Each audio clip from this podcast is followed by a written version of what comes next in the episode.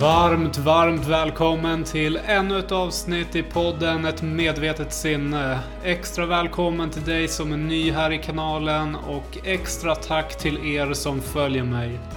Det här är podden för dig som vill få personlig utveckling, en ökad medvetenhet och hållbara verktyg för ett ökat välmående och en rikare framtid. Jag heter Patrik Lexell och i dagens avsnitt så har vi med oss samhällsdebattören, föreläsaren och grundaren till Vi är Sverige. Han har ett stort driv och hjärta när det kommer till frågor som berör jämställdhet, mångkultur och integration i samhället. Han har en stor vision om att bygga broar för att skapa ett bättre samhälle där vi alla kan involveras och få en ökad samhörighet och mening i livet. Du kan komma i kontakt med dagens gäst på Instagram under Vladimir F Ahmed. Som du också finner i avsnittsbeskrivningen. Men nu är det dags att spänna fast dig för det här är ett avsnitt som väcker både känslor och tankar. Varmt, varmt välkommen Vladimir Ahmed. Tusen tack. Tack så mycket. Kul att vara här.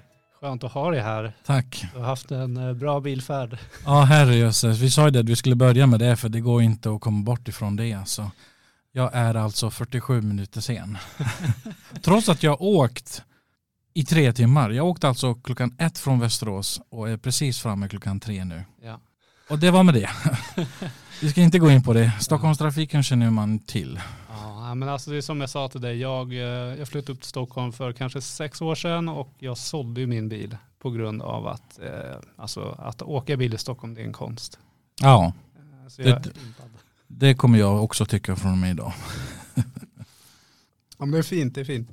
Eh, berätta lite, vem, vem har vi med oss här idag? Vem, vem är du? Vart kommer du ifrån? Ja, jag heter Vladimir Ahmed och just det uttalet kan ju variera lite grann. Vissa brukar säga Ahmed eller Ahmed eller Ahmed. Ja. Men i Sverige så brukar man dra till med det här she-ljudet, Ahmed. Men jag brukar säga Vladimir Ahmed. Ahmed. Precis. Ja, jag misstänkte att det skulle vara det uttalet eh, i och med att det inte var ett CH eller SH. Ja, Så Ahmed. precis, precis. Jag har hunnit bli 34 år. Mm. Jag är gift och har två barn. Jag bor i Västerås. Jag har bott faktiskt i Stockholm när vi ändå befinner oss i Stockholm. Så kan jag säga det att jag har bott i Stockholm i ungefär tio år faktiskt. Men jag flyttade tillbaka till Västerås. Ja. Där jag uppväxt. Mm. Um, jag um, har pluggat bank och finans. Um, idag jobbar jag som föreläsare och utbildare av någonting som heter Vi är Sverige-metoden. Yes. Det är eh, någonting som vi kommer säkert gå in på. Jajamän, det kommer vi göra. ja, yes. härligt. Ja, för det, det som jag eh, har läst på lite mm. om är att du flyttade till Sverige när du var runt tio mm. år. Stämmer. Eh, och sen vet jag inte riktigt varifrån Irak. Den kurdiska delen i Irak. Right. Precis. Ja. Och där någonstans också så snappade jag upp en liten mm. story som jag tänker kanske är bakgrunden till uh, Vi är Sverige. Mm. Uh, för när du kom hem från en fotbollsträning så möttes du av någonting som hände i lägenheten. Mm. Skulle du kunna berätta om den händelsen lite? Ja, absolut. Eh, jag var ungefär runt tio år när vi kom till Sverige. Ehm, och varje gång jag pratar om det här så blir jag väldigt känslosam. Men jag ska försöka att vara så saklig som det går. Ehm, det jag möttes av, jag var ju, jag brukade ju spela fotboll så jag var liksom på fotbollsplan och kom, hade precis kommit hem.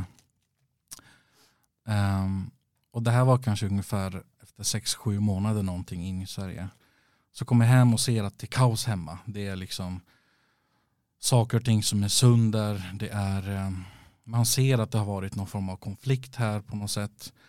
Eh, och att det har gått illa till. Så jag går runt och försöker hitta min mamma. Det är det första instinktiva jag försöker göra.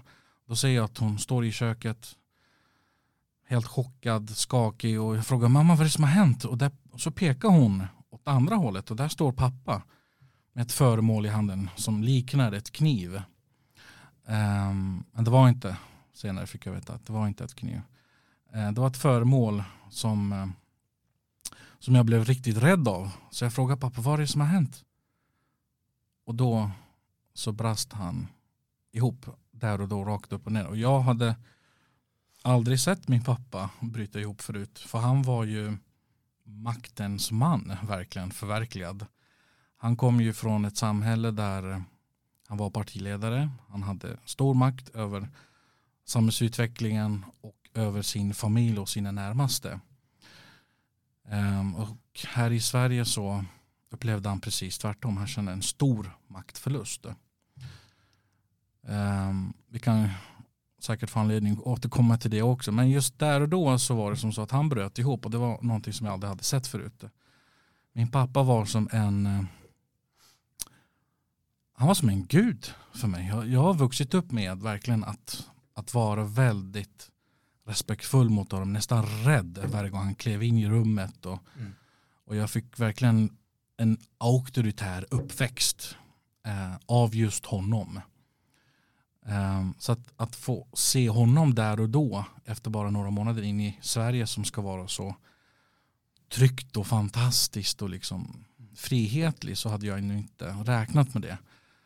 Um, men han sa det att ehm, um, jag och din mamma har bråkat. Och här tänker nog de flesta, mm, en irakisk man står med ett föremål. Hans mamma ser skakig ut. Han måste nog ha försökt döda henne. Och det var alltså precis tvärtom. Han hade försökt skada sig själv. Och mamma har alltså försökt stoppa honom från det. För att han kände att de hade pratat om att han inte längre upplever att hon lyssnar på honom längre. Och han tittade rakt in i mina ögon och sa att du lyssnar inte heller på mig längre och inte dina små bröder heller. Um, så att det var det. Mm. Det var det som hände. Ja, min tanke var också faktiskt precis som du säger att det var något våld emot din mor. Mm. Det var det ja. som hade hänt. Precis. Ja, men det var alltså att han, han kände sig maktlös, att ja. det var, han tappade hela liksom, den delen han hade haft sedan mm. tidigare. Och så kommer han hit och ingen lyssnar. Uh, han har totalt maktlös. Det är, i alla fall, det är i alla fall den känslan som han fick efter att ha tagit i Sverige. Därför att uh, han började upptäcka att vi pratar om vissa saker i skolan som han inte har alls vant sig vid att prata om på det sättet. Och um, um, mamman går själv till SFI och um, har en struktur, har en rutin. Hon har fått höra från sina lärare att hon har rättigheter, att hon får göra si och så här. Uh, och det tyckte han också var jättefint tills att det faktiskt började också upplevas i verkligheten. Ja. Um, jag kan ju bara dra ett exempel som jag uh, också tog i en annan podd inte ja. så länge sedan. Yes. Och det var ju det att när vi mötte till exempel rektorn på min skola och skulle ha ett utvecklingssamtal så kom ju då min pappa med kostym och jätterak och tydlig i ryggen med starka steg och visar liksom här är jag. så kommer också plötsligt en kvinna som är rektor som också är i, i maktposition som också kommer med raka och tydliga steg. Um, och jag märkte på honom, jag kommer ihåg den idag, hur obekväm han blev. Att det var, för han var inte van med att sitta med kvinnor och förhandla med kvinnor eller budgetera med kvinnor eller ta beslut med kvinnor utan det var någonting som han gjorde åt kvinnor. Ehm, så att, att ha den balansen där och då var någonting som var obekvämt för honom.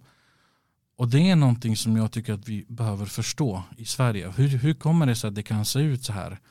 Varför pratar vi inte om det här i Sverige? Um, och det som hände var då kort och gott det var att han stelnade till. Och så tar han sig fram med ett väldigt nonchalant sätt och klappar lite på axeln på rektorn och säger ursäkta kan jag få prata med en manlig rektor istället. Och här ska vi komma ihåg att eller i åtanke att den här rektorn var, var en ja, så, som man brukar säga en liksom eldsjäl som brukade ta emot många nyanlända, försöka få in dem in i samhället, var väldigt engagerad i invandringsfrågor och integrationsfrågor. Mm. Och där och då så stelnade hon även till. Det här var hon inte beredd på. Så hon tittade rakt in i min pappas ögon och sa du, i det här landet så spelar det ingen roll om du är man eller kvinna. Utan det är kompetensen som avgör vilken position vi har. Och när han hörde det så tror jag inte att han faktiskt förstod det. Men jag tror att hon sa något liknande. Att hon försökte liksom sätta honom på plats faktiskt mm. där och då. För hon blev riktigt rasande. Hon var helt röd i ansiktet. Mm. Och det här är alltså mitt absolut första minne av integration. Av att träffa svenskar. Av att komma ut och se hur det funkar i ett utvecklingssamtal. Människor emellan eller liksom ja, skola och föräldrar emellan och sådär. Och det han gör då är, efter att hon har sagt det där, är att han rycker på axlarna och säger någonting konstigt som mumlar för sig själv och bara kom min son, vi går härifrån. Aha, så han tog det och gick? Ja, vi gick. Det var inget som dög för honom. Mm. Och efter det så fick min mamma ta de kommande utvecklingssamtalen istället. All right. Så han har aldrig varit med sedan dess. Och jag har aldrig sett honom sedan dess. Det här var 2001 eller 2002 skulle jag gissa. Alltså ni har ingen kontakt idag? Nej, han har ju försökt i många år. Men eh, jag har valt att inte ha kontakt med dem. Eh, de skildes åt, mina, mina föräldrar, efter ganska kort tid i Sverige. Ja. ja. men då har ju du en väldigt tydlig story också med just vad kulturkrockar kan innebära. Ja. Eh, och har i tidig ålder fått se vad som kan hända. Och där kommer vi väl också in då till det här som du har grundat mm. också. Och eh, för du har ju grundat uh, Vi är Sverige och där är det ju någonting som jag tänker att du får berätta kring om mm. bakgrunden till när du grundade det och vad, vad, är, vad är vi? Mm. Vi är Sverige, vad mm. är det för någonting? Jättegärna. Jag Eh, oerhört tacksam över att jag får chansen att få göra det varje gång. Ehm, därför det ligger mig väldigt varmt om hjärtat och jag blir eh, väldigt engagerad när jag pratar om det. Så du får stoppa mig om du tycker jag babblar på för mycket. Men VR Sverige-metoden det är eh, ett sexstegsmetod, ett forskningsbaserat sexstegsmetod ehm, som handlar om att skapa trygga rum för nyanlända. Man pratar om olika ämnen en gång i veckan under sex olika veckor, gärna sammanhängande veckor. Man pratar om eh, manlighet, normer, kvinnlighet, könsroller, hierarki, makt, jämställdhet, demokrati. Vad är det för någonting? Hade min pappa en annan syn på de här sakerna? Hur ser det ut för den typiska etniska svensken här i Sverige? Finns det liksom några konflikter eller har alla samma syn på de här, på de här frågorna? Och eh, det tycker jag att vi har glömt i Sverige. Vi har inte haft en sån här metod överhuvudtaget. Och när jag har vuxit upp i Sverige så har jag sett hur mycket det har behövts. För min mamma, för mina föräldrar, för mina grannar, för mina kompisar, för mitt umgänge. Där jag, född, där jag är född. Det, det känns ju nästan så, Västerås mitt hjärta. Mm. Det, men det är jag uppväxt i alla fall. Eh, och det finns tre starka fundamentala anledningar till detta. Eh, det första är att jag saknade just den här skyldigheten som jag tycker att Sverige har.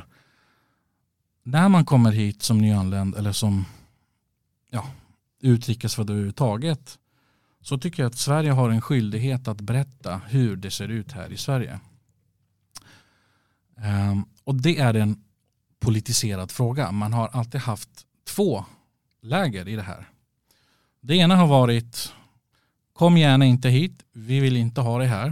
Eh, men om du nu måste komma hit, om du verkligen måste komma hit, lämna ditt land, lämna ditt språk. Um, all trauman som det innebär att vara flykting. Om du nu måste verkligen göra den här resan, då vill vi att du ändrar på ditt namn, din hudfärg, gärna om det går, annars hårfärg, ögonfärg, känner, tycker, tänker och gör precis som oss. Du ska bli assimilerad. Den, det andra synsättet har varit länge i Sverige. Ja, men vi har ingen svenskhet. Det finns ingen svensk kultur. Vad är det för någonting? Eh, när började det överhuvudtaget? Eh, hela världen kom hit. Alla kan vi bli världsmedborgare. Och det låter ju jättefantastiskt. Jag är mer för det här sistnämnda hållet. Det är bara det att så ser inte verkligheten ut. Eh, människor vill tillhöra ett sammanhang, man vill tillhöra en grupp. Gärna att jag får vara den jag är, att jag får se ut som jag gör, att jag får heta som jag gör, men att jag också tillhör yep. någonting. Att jag också får vara med. Eh, och då brukar jag också prata om, i metoden har vi byggt upp något som vi kallar för samhällskontraktet. Vilket innebär att vi ska erbjuda, alltså Sverige ska erbjuda alla människor i det här landet ett tydligt kontrakt där det står ens rättigheter, skyldigheter men också möjligheter. Eh, och det saknades i Sverige och det saknas än idag. Ja. Det andra är att jag eh, pratar för mycket nu. Nej, nej, nej, kör på. Kör det här på. Är, det är superintressant. Ah, okay. jag kör väldigt, på. väldigt viktigt också. Mm. Tack, tack snälla. Jag eh, har också tagit fasta på en annan grej och det är det här att jämställdhet som är också ett återkommande tema i VS Sverigemetoden har blivit på något sätt att man glömt de nyanlända. Att man glömt att engagera dem i den här processen. Det är en stor och viktig del i just deras inkluderingsprocess. Um, och jag saknade också manliga företrädare på SFI, på språkintro på gymnasiet, på vuxenutbildningen, i andra grupper där nyanlända finns naturligt. Mm. Uh, utan oftast har man förknippat det med någon form av västerländsk kvinnokampsfråga. Utan jag vill bredda det, bredda det och, och, visa att här finns också alla typer av människor, alla typer av män som är med i den här kampen. Och det måste synliggöras. Det går inte att man bara säger det. Ja, men det finns hundratals utrikesfödda. Vart är de någonstans brukar jag säga. Ja. Jag ser inte dem på SFI, jag ser inte dem på språkintro.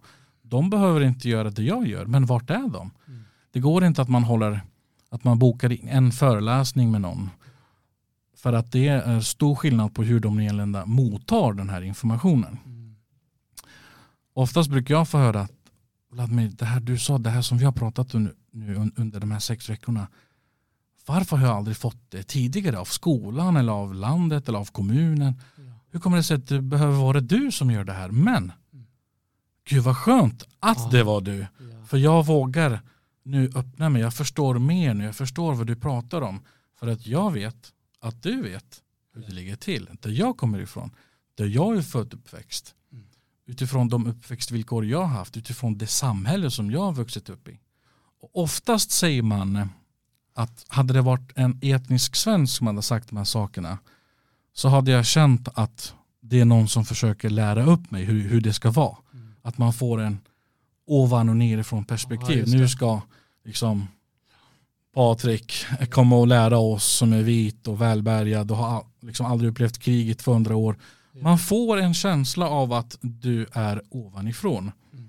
Och det visar mycket forskning att vi måste våga arbeta utifrån eh, hur människor, liksom, hur, man, hur man förhåller sig till varandra i en grupp. Mm. När det är en majoritet nyanlända. Eller tvärtom till exempel. Ehm, så att vi måste försöka jobba mycket med igenkänningsfaktorn. Att jaha, här står han. Han är alltså kurd från Irak. Han heter Vladimir Ahmed. Och han står här och är en del av Sverige som han är jättestolt över. Men han är också jättestolt över att vara kurd från Irak. Och det funkar. Han tillåts att se det här. Det är inget som är konstigt. Det här är alltså möjligt. Dualiteten är möjlig. Och det det, är liksom, det återkommer ofta efter de här samtalen. Att man tackar för att man har fått kunskap överhuvudtaget. I Sverige har det varit tabu. Nej men vi ska inte prata om det här med nyanlända för du kommer stigmatisera dem. Okej, okay, men om vi inte pratar om det då? Och så pratar vi om det här när det väl blir en kulturkrock. Eller när det sker ett missförstånd på en arbetsplats. Då är det för sent. Då blir det istället att man blir misstänksam mot varandra. Att man försöker lappa ihop redan ett sårat fall så att säga, en sårad situation.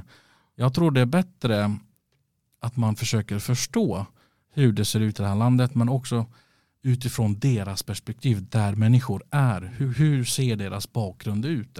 Och eh, Så det är de här två liksom övergripande anledningarna som jag har sett behovet av i Sverige. Mm. Och jag har också ett tredje. Det var ju det här med polariseringen av integrationsdebatten, det höger och vänstertänket. Mm. Mm. Jag tyckte att vi måste komma bort ifrån det. Integration kan inte bero på eh, hur många mandat en viss regering får och så ändras det plötsligt till något helt annat nästa gång när det är någon annan som tar över. Utan vi måste ha en verklighets och forskningsbaserad linje som utgår ifrån verkligheten och inte utifrån ideologi. Mm. Och det kan vara svårt i det här landet har jag märkt. Utan man, därför att man är oftast väldigt ideologisk. Antingen är man höger eller vänster i de här frågorna. Och det tycker inte jag att integration är en sån fråga. Mm. Utan den bör vara verklighetsbaserad. Den bör utgå ifrån människors utgångspunkter och deras möjligheter. Och då måste vi ta fram, då, i så fall måste vi då också våga ta reda på deras bakgrund. Deras normer, vilka strukturer har man vuxit upp i. Mm. Um, och jag nämnde också det här för inte så länge sedan att vi har ju också mycket forskning på det här området men vi använder inte det. Därför att vi tycker att det är jobbigt. Du har säkert inte hört någon prata om de här frågorna på det här sättet. Alltså som du beskriver att, att det är ett sex veckors program också. Mm. Att man går in på djupet Mm. på varje person och deltagare. Det är någonting som jag, jag har ju själv jobbat på Mm. SFI Ja. eh, under ett par år Mm. eh, som eh, administratör. Då, men jag har hoppat in Mm. i klasser och välkomnat nya och så vidare. Mm. Och det man ser är ju att det ska gå väldigt fort. Mm.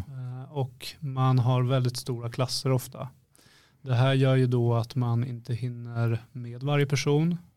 Eh, En person behöver kanske två år på sig att Mm. eh, kunna öppna upp sig om det hemska som har hänt eller Mm. vad det än må vara. Att, eh, hur, hur är det att komma till Sverige? Vad Mm. innebär det? En person kanske behöver tre månader men Mm. man fokuserar på där vart det går fort. Det ska gå fort. Mm. Och där tror jag vi har ett, en, en stor brist att inte fördjupa oss i de här viktiga frågorna. Mm. Och jag tycker du är inne på någonting som vi ofta får höra att människor kommer hit med trauman.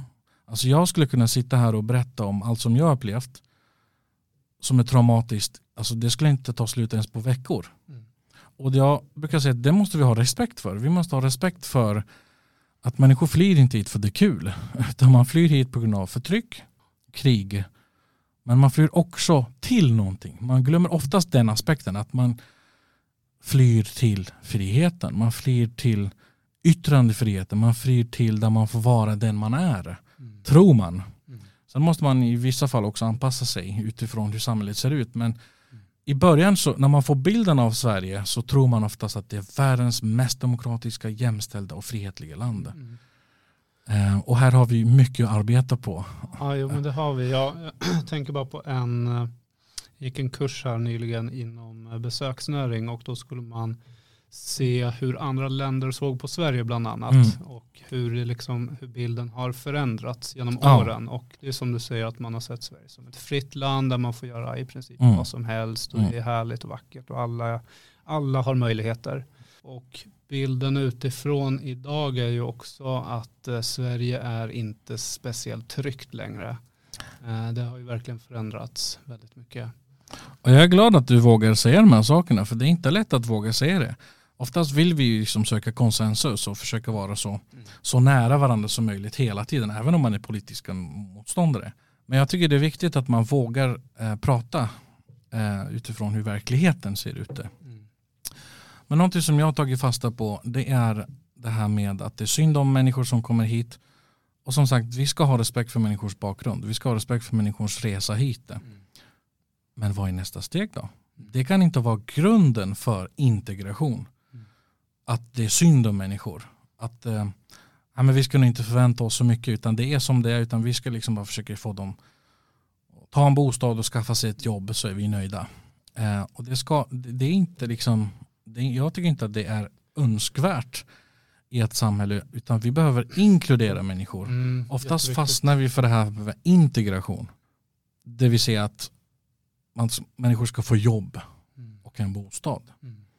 Jag tycker att vi behöver kliva över till inkludering. Det vill säga att människor ska känner sig som en del av en större gemenskap och vara med och utveckla den gemenskapen. Eh, och det är något helt annat. Jag, jag vet ju om hur många människor som helst eh, där jag bor eh, som idag är klassad av myndigheter som ett getto. Mm. Eh, när jag kom till Sverige så var det precis tvärtom. Det var det absolut mest eftertraktade området att bo i som mm. vi fick komma till. Vi var jättestolta över att få bo i Pettersberg i Västerås. Mm. Idag är det precis tvärtom. Um, men om man kollar på just den här som du pratar om med integration och att eh, alltså integrera, men nu pratar vi om att inkludera. Mm. Jag tror att du är inne på någonting väldigt viktigt där, att verkligen det är väldigt många som kommer till Sverige och då ska få en bostad och sen få ett jobb. Mm. Uh, och det kan vara vilket jobb som helst, bara statistiken ser bra ut också mm. kan jag tänka och tycka. Mm. Uh, och det är inte riktigt att inkludera, det är väldigt många som inte får den chansen att få det jobbet man verkligen vill ha eller utbilda sig vidare till det man vill för att mm. det ska gå så fort att inte inkluderas utan implementeras kan mm. man säga så till mm. samhället. Att eh, man hamnar ändå i ett utanförskap. Mm. Precis. Ja, men det är exakt det som jag var inne på. Att, att jag känner ju många människor, det var det jag skulle säga. Att jag känner många människor där jag bor och verkar idag eh, som har ett jobb, som har en bostad, men som inte alls känner sig som en del av landet. Eh, och då kan man ju säga så här, jaha, men svensken då? Svensken är inte så välkomnande.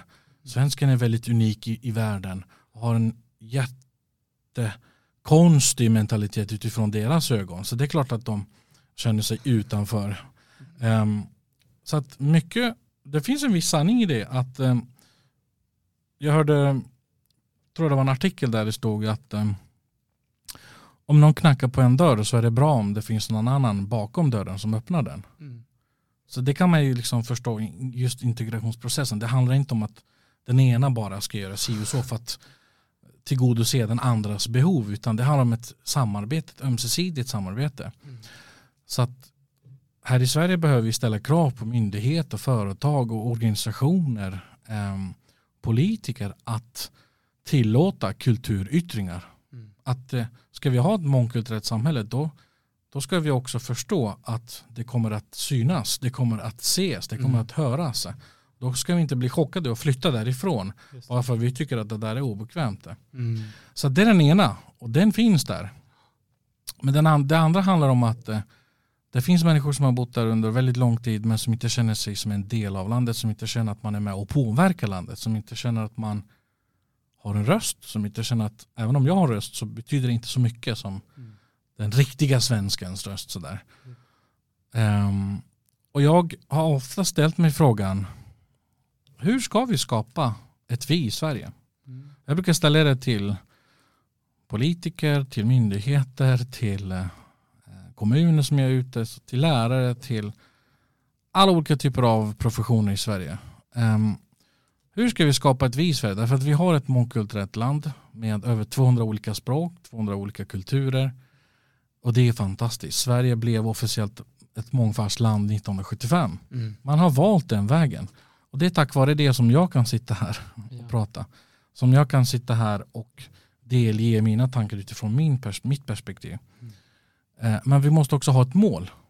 Vad är målet med det här då? Är det bara att välkomna människor och sen så säger vi till, så, så ser vi bara hur det går. eh, det är inte så bra. Det är lite eh, den vägen jag tänker att det har känts som också. Tyvärr så måste jag hålla med dig om det att man har haft goda ambitioner. Jag tror inte på att politiker i Sverige, oavsett partifärg, har haft eh, alltså vill att det ska gå fel eller att vill att det ska liksom bli utanförskapsområden eller att människor hamnar i kläm och inte känner sig som en del av landet. Utan man vill väl. Det är därför man tar emot människor för att man är för att man vill vara goda. Mm. Um, och det tycker jag är fantastiskt. Det har gett många, många tusentals människor ett helt nytt liv i Sverige. Ett helt, en fristad som annars kanske inte hade varit möjligt. Ja. Men vi måste också våga höja blicken och se vad är målet då? Mm. Hur ska vi kunna bli ett enhetligt land trots att vi har 200 olika kulturer och språk i det här landet? Mm. Och då menar jag att vi måste ha ett kontrakt sinsemellan. Människor måste känna den kontrakt, det kontraktet sinsemellan. Det handlar om att vi har samma rättigheter oavsett vad vi två har för hudfärg. Vi har samma skyldigheter oavsett vad vi har för hudfärg eller religion eller bakgrund eller etnicitet. Um, och vi har också samma möjligheter. Oftast kan man ju känna som utrikesfödd att man inte har samma möjligheter som en etniskt infödd svensk därför att du har en sånt försprång att mm. ja, det är liksom ditt land och det här är du uppväxt och det blir liksom lite enklare för dig och man hamnar i den här offerrollen att nu ska jag försöka kämpa mig upp. Mm. Och oftast blir det så tyvärr att en utrikesfödd behöver jobba dubbelt och mm. trippelt hårdare än etnisk svensk på en arbetsplats till exempel där jag själv har erfarenheten av för att bevisa sig mm. likvärdig som den etniska och den aspekten finns också. Men vi måste försöka erbjuda ett samhällskontrakt som jag brukar säga där vi erbjuder de här tre sakerna. Rättigheter, skyldigheter och möjligheter. Och det låter jättebra men kruxet är att om det då inte efterlevs då ska det också finnas konsekvenser. Mm. Och det tror jag att landet inte är redo för ännu. Mm. Men jag tror att det är vägen framåt. Vad skulle konsekvenserna kunna vara? Nej men tänk dig så här. Um, när du söker ett jobb mm. så ser du en annons. Du blir uppringd uh, och så får du lyckligtvis en intervju. Mm. Du kommer dit, du presenterar dig, uh, du visar framfötterna kring varför du ska vara på den här arbetsplatsen och arbetsgivaren förklarar hur det ser ut där och varför det ser ut som det gör där. Vad det är för villkor som står i det kontraktet när du blir erbjuden jobbet. Mm. Och du godtar det här. Du, du kollar igenom det, hoppas jag. Ja. och så skriver under på det. Ja. Och då har vi ett kontrakt sinsemellan. Här står det vissa villkor. Mm. Om det inte efterlevs så blir det mm. missförstånd som måste lösas. Och samma sak tycker jag att vi bör applicera med människor som kommer hit eller med människor som redan bor här. Att man, har, man kan inte bara ha rättigheter i ett land även om det är synd om en eller även om man är född där utan man måste också visa att man har också skyldigheter sinsemellan. Um, så att det var liksom ett exempel på att mm. vi bör applicera det tankemönstret också på, på integrationsdelen till exempel. Mm. Jätte, jättebra. Jag tänker bara där på att det brukar kunna finnas ibland um, att man har policy med vad man inte får göra, men policy är också någonting. Konsekvensen kan bli att du kanske får en varning eller tillsägning. Det blir inte direkt den där konsekvensen som kanske mm. behövs. Mm. Ibland behöver man gå lite djupare där också, mer mm. än att ajabaja så får du inte göra och sen är det mm. klart. Eh, ibland behöver man också gå djupare i varför gjorde du som du gjorde? Har du förstått de här grundreglerna som ingår här som, vi, som du mm. Och, och, då behöver man ju fördjupa de frågorna för att verkligen eh, lyfta det, mm. så, att det så det blir en bra samhällsstruktur. Ja, ja men ta ett exempel till exempel där min fru kom till Sverige bara för några år sedan. Hon fick uppehållstillstånd och eh, det var ingen myndighet, ingen skola. Mm. Ingenstans fick hon något brev där det stod hej, välkommen till Sverige, vad vill du göra här? Eller när har du tänkt börja på SFI? Vad har du för kvalifikationer för att kunna ta ett jobb i Sverige? Vi vill ta ett samtal, vi vill träffa dig. Mm. Utan det var jag som fick se till så att hon ansöker om att få börja på SFI till exempel. SFI var inte intresserad av att hon ska börja där överhuvudtaget utan det är hennes val. Och det här är under de här två första åren innan ja. man får permanent uppehållstillstånd. Ah, okay. Men även om det är permanent så tycker jag att attityden borde vara att välkommen, välkommen. men vad kul att du är här, men hur ska vi ta oss framåt? Hur ser dina framtidsplaner ut? Exakt. Alltså, det, alltså bara själva känslan, bara attityden. För hon sa oftast till mig, jaha, vad ska jag göra nu? Ska jag, alltså, hur ska jag söka jobb? Hur ska jag lära mig språket? Eh, så att hon vill ju gärna liksom bli omhändertagen på ett strukturerat sätt. Liksom. Här blir det snarare då att man ska sitta och vänta i två år då. Ja, tills precis. man får en liten, inte vem är du och vad vill du, utan mer det här. Nu har du möjlighet i alla fall att ja. plugga på SFI. Nu, ja. nu, nu vill vi gärna att du kommer om du vill. Så det är fortfarande inget tvång för min fru att gå på SFI. Hon behöver inte göra det alls. Och man snackar mycket om språket. Språket är viktigt. Är ju exakt, Men hur ska man lära sig språket om man inte ens blir välkommen in i det där rummet? förrän man själv vill. Och vi måste liksom öka drivkrafterna för människor att vilja ta sig an till det här rummet. Fast man har haft en jobbig resa och vissa människor kanske inte alls är redo Mm. dag ett. Liksom. Exakt. Men att attityden måste vara vi ser dig, vi hör dig och vi vill att du blir en del av oss. Vi vill att du förstår och känner till om Mm. din kommun, det här nya landet på ett mer strukturerat sätt. Superbra sagt. Super. Jag hade önskat att det fanns Ja, du när jag kom till Sverige. Ja, du har otroligt goda tankar. Jag hoppas bara att eh, det här eh, växer Tack så mycket, fram det värmer. mer. Mm. Alltså jag har ju föreläst om de här frågorna och det är känsliga frågor. Mm. Jag får kritik från både höger och vänster och från mitten och från liksom långt ut till höger, från långt ut till vänster. Mm. Men när jag oftast pratar om de här frågorna så brukar även de värsta fienderna skaka hand på det här. Mm.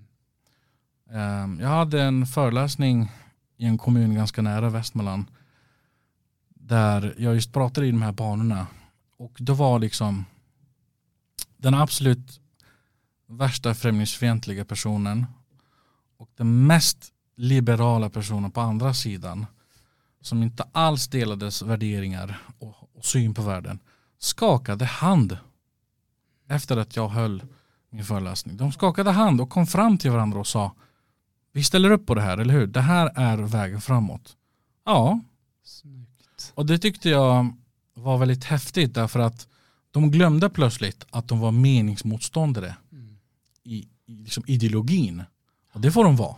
Det det, det, det är bra för dem. det, det, det, man ska inte ta från det, utan de är liksom, det är skillnad på deras ideologi och Mm. det ska man också våga diskutera. Ja. Men när det gäller integration som är en så stor del av landet, vi har ju liksom runt 20-22% utrikesfödda i det här landet. Mm. Eh, Då måste man också våga prata om hur ska det här landet bli ett vi då? ja, ett vi. Ja. Det, det måste vara det absolut mest övergripande Mm. och sakfrågan som politiker inte kan somna över. Mm. Ty, tycker jag att det borde. Mm.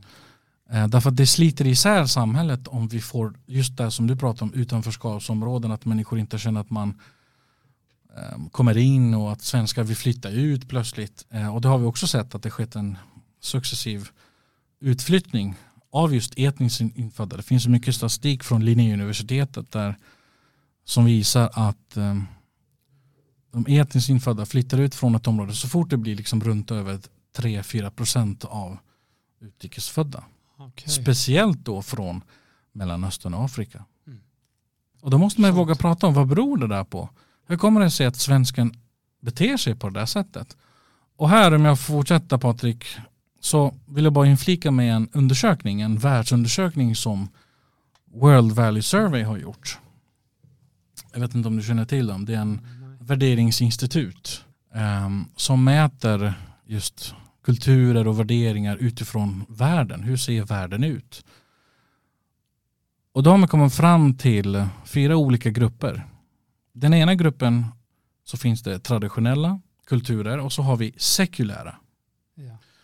Och de andra två handlar om att vi har överlevnadsgrupper, alltså kulturer där man kommer ifrån att man jobbar för att ha tak huvudet för dagen och skaffa mat för idag. Mm. Eh, och så motsatsen till det kallas då för emancipativa frihetsvärden. Och de här fyra grupperna, Och Är vad, säkert- vad sa du att den fjärde hette? ja, jag vet, det låter väldigt fint, emancipativa All right. frihetsvärden. Ja. Så att vi har traditionella versus sekulära och så har vi överlevnad versus emancipativa frihetsvärden. Mm. Och I traditionella kulturer så är det väldigt viktigt med auktoritet, med nationell identitet, med respekt för auktoriteter, med makt, med män som har makt.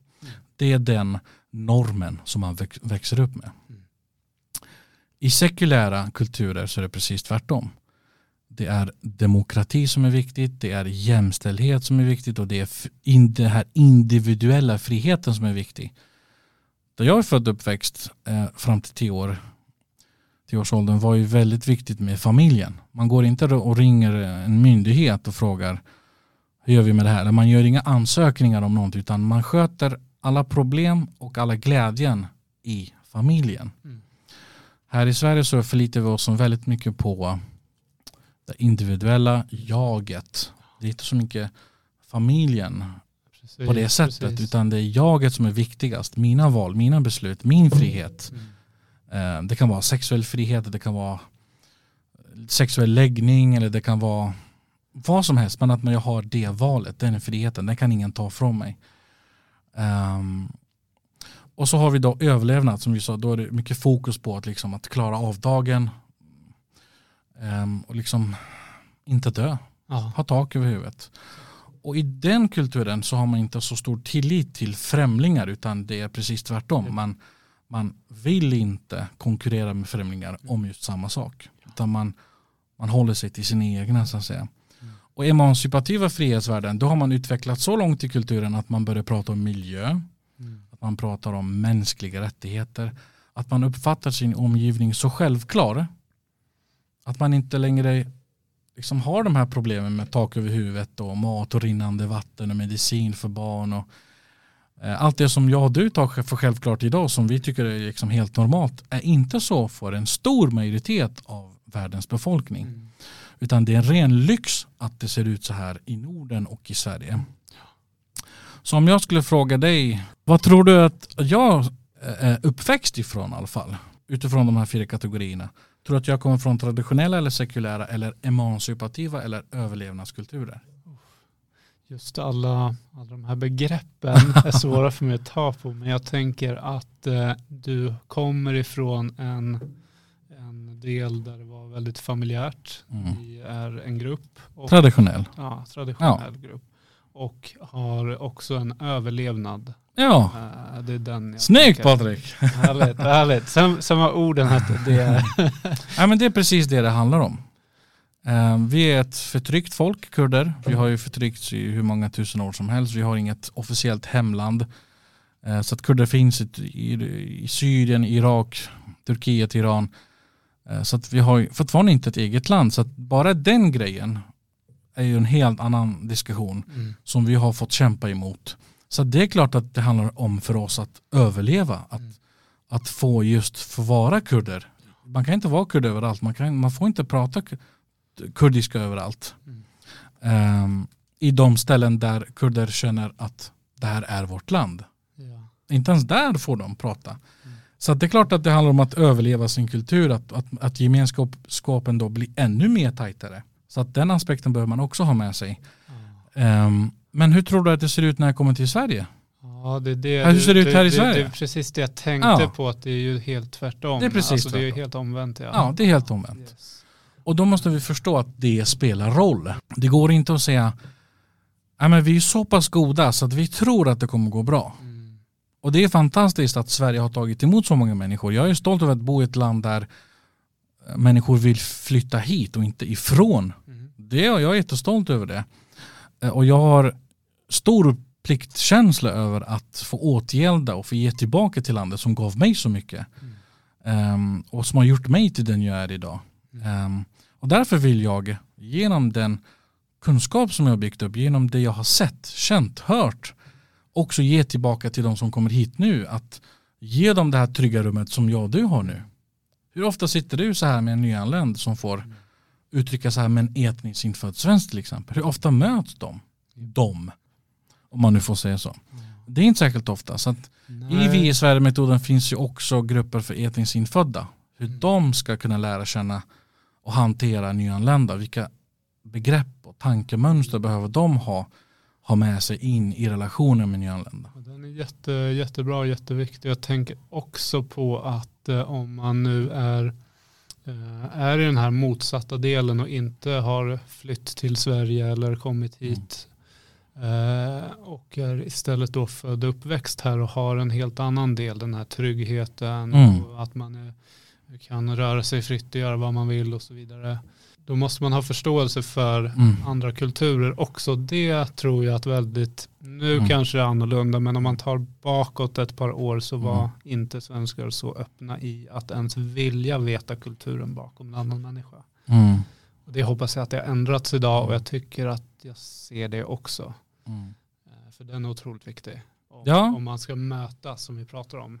Ja, ja, absolut. Alltså det här, jag tycker svensken är väldigt öppen för att vara så icke öppen. Mm. Alltså, det finns ju en, en forskning som visar att man ställer frågan vilka två element tycker du är viktigt? Det här ställde man alltså till ungefär 300 länder runt om i världen. Mm. Vilka två element tycker du är viktigt för, ett väl, för en väl fungerande samhälle?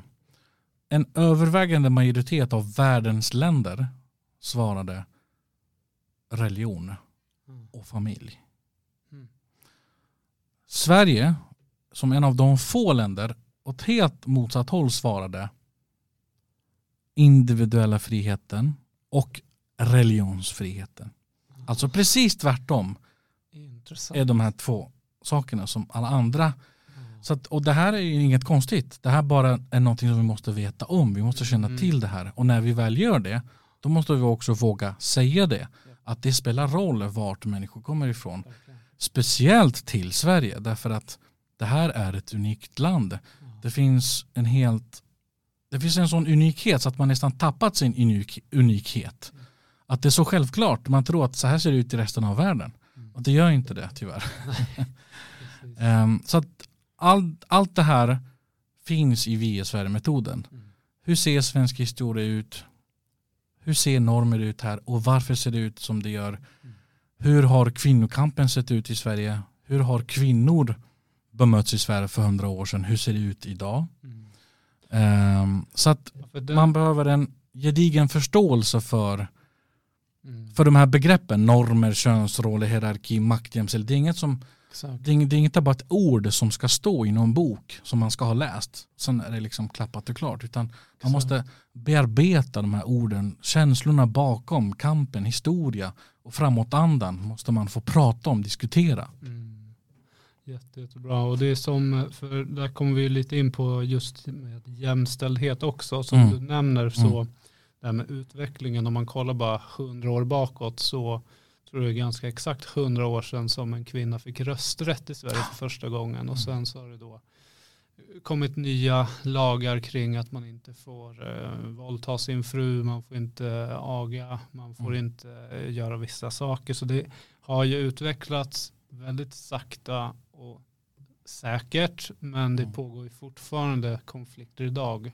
Om man kollar bakåt i tiden med just mansdominans med det här våldsbeteendet på många platser så ser man ju det. Du lägger upp en hel del på Instagram också som man ser som, som du själv nämnde, det är ju sånt som eh, kommer åt känslor hos Mm. folk. Sånt som inte väldigt, väldigt Mm. få lyfter ju sådana här ämnen. Mm. Att, eh, eh, skulle du kunna bara gå in på den delen med just den här med mansdominansen och eh, eh, ja, med det här med jämställdhet överlag med kvinna och man. Absolut. Det finns ju massor Mm. att ta på så jag tänker Ja. ordet är fritt. Ja, men jag tycker det är jättebra att du nämner det därför att det är skillnad på att vara man i Sverige och det är skillnad på att vara man i Kurdistan. Mm. Jaha, hur ser det ut då? Brukar många säga. För att man har ju en tanke om att nej, men alla män är liksom män oavsett vart de bor. Fast det är lite skillnad därför att vi har vuxit upp med olika normer trots att vi är män. Låt mig säga så här. ehm, det är viktigt. Om du skulle fråga min mamma. Är det viktigt för dig att du har en man som skyddar och försörjer dig eller som diskar och städar åt dig? Mm. Vad tror du min mamma skulle svara på den frågan? Skyddar. Trygghet? Därför att det är hennes trygghet. Det är så hon har vuxit upp. Och män som växer upp i den strukturen får ju den rollen på sina axlar. Så jag fick ju tydligt höra att du är äldst i familjen. Om jag dör eller om, jag, om det händer mig, alltså min pappa sa så. Mm. Om det skulle hända mig något då är det du som är ansvarig. Inte din mamma. Du är ansvarig för att skydda och försörja. Det ligger på dina axlar som man. För att du är man. Ja. Ja. Och det finns mycket av det i Sverige också att man känner att, att man i en relation att, att man behöver försörja och skydda också i Sverige. Men vi växer inte upp med den mentaliteten här utan här är det väldigt mycket individuellt att man själv får välja. Ehm, och det finns ju det finns liksom ingen man som går runt med den tanken att jag ska skydda min familj eller jag ska till vilket pris försörja min mamma utan man ställer krav på att nej, min mamma ska kunna Mm. försörja sig själv. Hon ska kunna ta ett jobb själv. Så att den bilden på vilken roll en man har skiljer sig också när man väl kommer till Sverige. Och det är någonting som vi också måste förstå när en ja, stereotypisk tanke det här att ja, men en irakisk man, gud vad beskyddande han var mot sin mamma eller mot sin fru eller mot sin bror.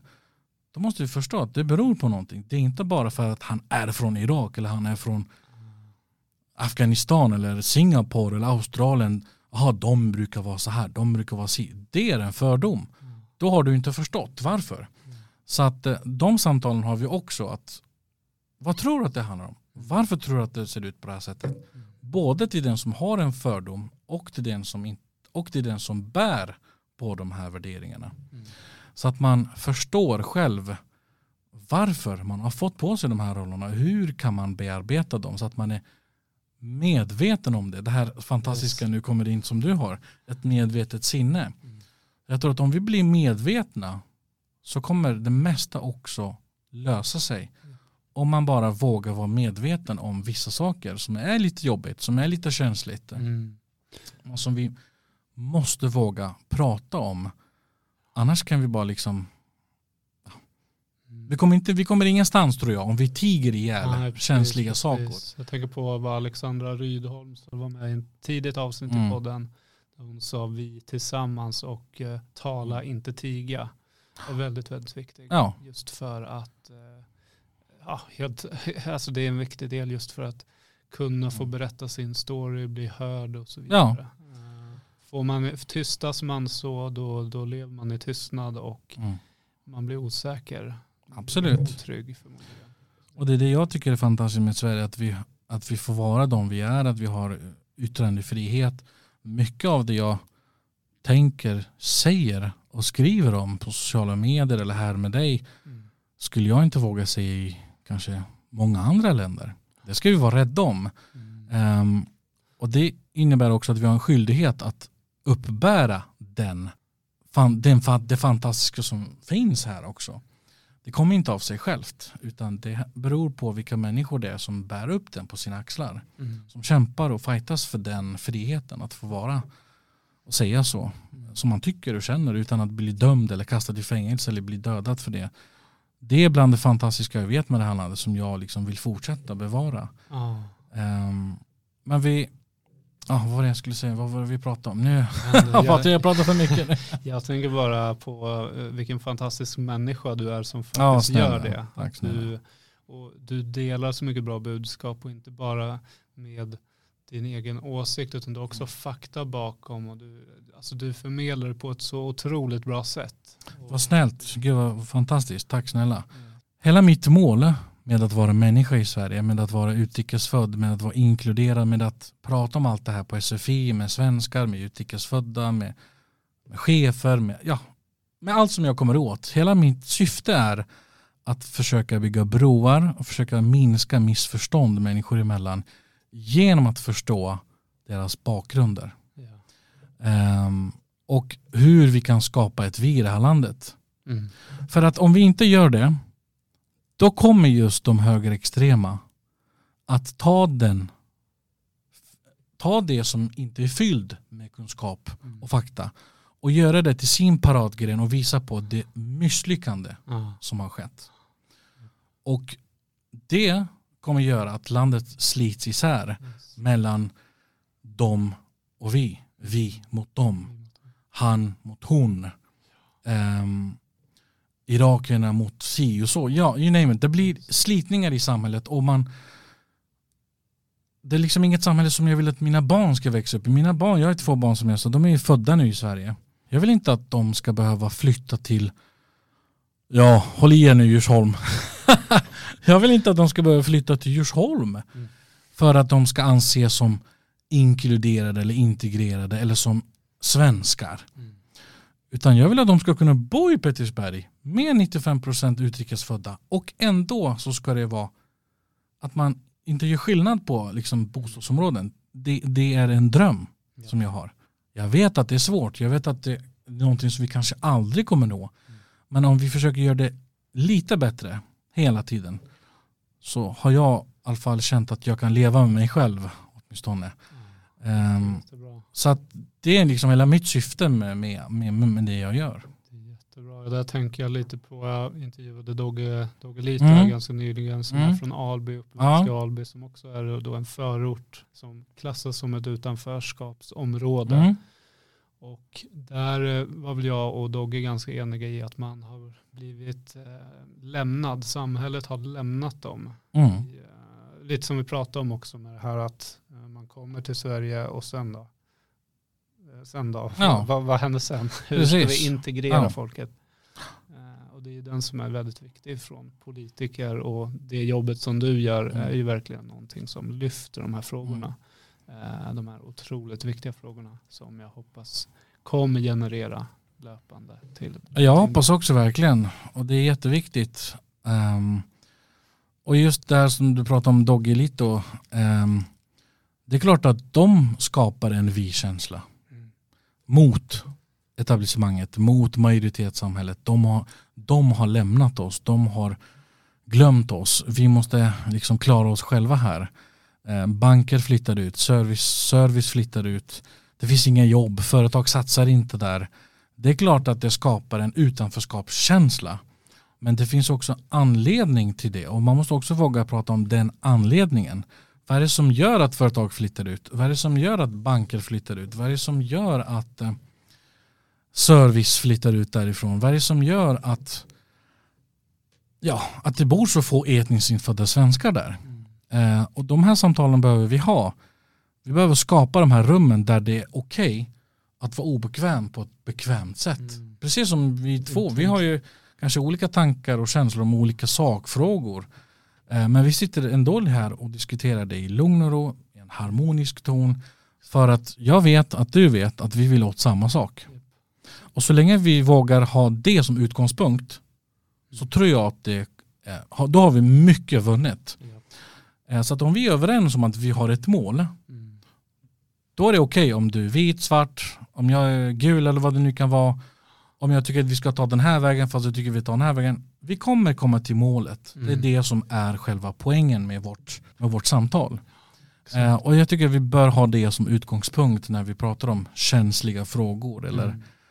Frågor där man ibland som utrikesfödd ställs inför kravet att du ska tycka så här för att du är utrikesfödd.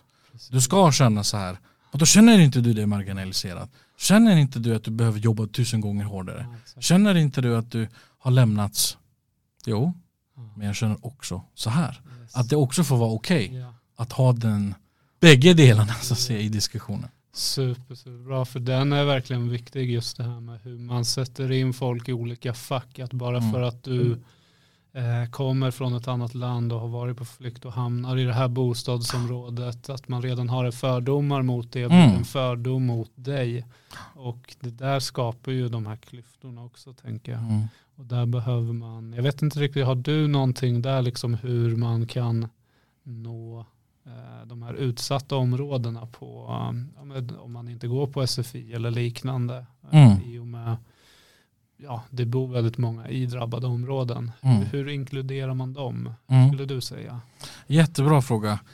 Det finns ju många politiker och beslutsfattare i Sverige som tycker väldigt mycket om de här områdena som du lyfter upp och de människor som bor där. Det är bara det att eh, om man skulle fråga dem, vart bor du någonstans? Så skulle ingen av dem svara att de bor där som de pratar om. Mm. Hänger du med? Mm. Så att man pratar gärna om utsatta områden. Man slänger gärna ifrån sig fina ord som att men vi behöver göra mer, vi behöver satsa fler, mer resurser på de här områdena, vi behöver öka drivkraften för människor att ta ett jobb. Mm. Fast har du varit där? Har du träffat dem eller pratar du bara om dem? Har du sett deras verklighet? Ehm, det är som att det är fint att jobba med integration. Det är fint att jobba med jämställdhet. Mm. Um, fast man är inte där med mm. dem. Så att jag skulle säga att ut och träffa människor. Se deras vardag. Uh, och känn in vad det är de upplever som svårigheter. Se vilken vardag de har uh, och på vilket sätt de blir bemötta i samhället. Anordna träffar där olikheter träffar varandra anordna träffar där företag får komma ut till det så kallat utanförskapsområden och få träffa en kvinna som kanske är uppe i 50-årsåldern som har bott där i Sverige som, all, som inte kan så bra svenska som aldrig har fått ett jobb i Sverige utan som kanske har levt på ekonomiskt bistånd i sitt liv. Fråga hur den personen ska kunna få drivkraft att få jobba. Um, så att jag tror det är lätt att dra de här fina korten om att vi behöver göra mer och vi behöver satsa mer och vi behöver Ord måste bli till handling också. Ja, bra sagt. Exakt, det måste också bli handling. Man måste också visa hur. Hur ska vi göra det här? På vilket sätt ska vi förverkliga det här fina? För jag tror inte, som sagt, att politiker har bad intentions, utan man har väldigt bra intentioner och man vill, väldigt många vill verkligen och brinner för att få in, få in människor i arbetslivet så att det blir mindre klyftor, mer skatteintäkter till, ja, till statskassan. Så det, det tror jag ingen är liksom missnöjd med, utan det är bara det att man vågar inte göra det som verkligen krävs på riktigt. Exakt, exakt. tror jag. Sagt, Så att eh, det var ingen riktigt svar egentligen, utan det var mer en eftertanke på att att hur vi bör egentligen tänka kring, kring den frågan för de som verkligen har den makten och den, den positionen att just, för jag kan ju komma ut till, om du tänker mig som person så kan jag komma ut dit.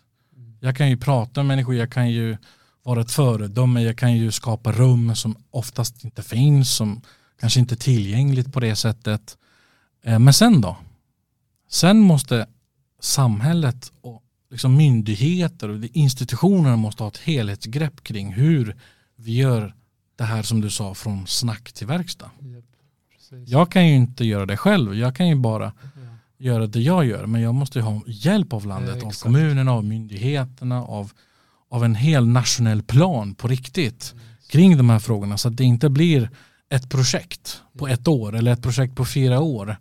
Utan det här måste vara ett förhållningssätt um, som vi måste jobba med hela, hela, hela tiden. Ja, det finns någonting när du, när du nämner det tänker jag på uh, Lars-Erik Unnestål som uh, har Ledarhögskolan och uh, ja, utbildar inom mental träning. Mm. Och han pratar om att det är väldigt, väldigt viktigt att ha ett långsiktigt mål, ett livsmål. Det vill säga ja. att vi ska jobba för det här hela vårt liv ja. och generationen bakom oss fortsätter med det. Ja. Det här bara fortsätter. Vi kan inte ha ett projekt som du säger på ett år för då blir det bara halvdant och sen så står vi på ruta ett igen. Utan det måste vara långsiktigt, hållbart och bara fortsätta arbeta med det. Uh, otroligt viktigt. Ja men helt rätt. Mm. Är verkligen bakom det. Mm. Det är precis det det handlar om. Um, och jag tycker det är beundransvärt det du gör Patrik, att du har tagit dig fram till den här podden och intervjuar människor som du verkligen vill prata med och lyfta upp i samhället. Så jag tycker att du ska få mycket cred för det du gör. För att du liksom gör det på egen basis, du gör det på din fritid. Eh, så att jag tycker du också eh, att det också måste lyftas fram just människor som dig. Jag tycker du är en eldsjäl för mig. att om nyanlända skulle få träffa dig och prata med dig så tror jag att de skulle få närmare koppling till svenskheten. Mm. Eh, så att vi behöver fler som dig, Patrik. Ja, tack så jättemycket. Det och, tror jag verkligen. right back at you. Ja, tack. Mer, mer av oss. Mycket kärlek nu ja, i rummet. Mycket kärlek. Nu kramas vi. Ja. Corona är över. Nej. ja, snart hoppas vi. exakt, exakt, verkligen. Ja, men Vladimir, du har så otroligt mycket bra saker att dela och eh, vi kommer förmodligen behöva köra ett till avsnitt för det finns så mycket. Uppföljningsavsnitt. Yes. så stort, stort tack för din mm. medverkan och allt bra du har att dela. Stort Tusen tack. tack. Tack för att jag fick komma. Yes.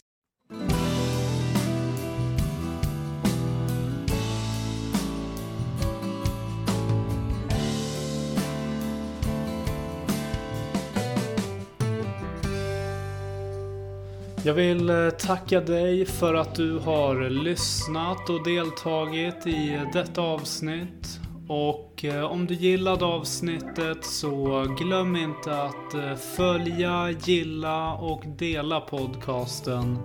För att också bidra med att göra den synlig för andra. Till nästa gång, tro på dig själv, lita på dig själv och var dig själv.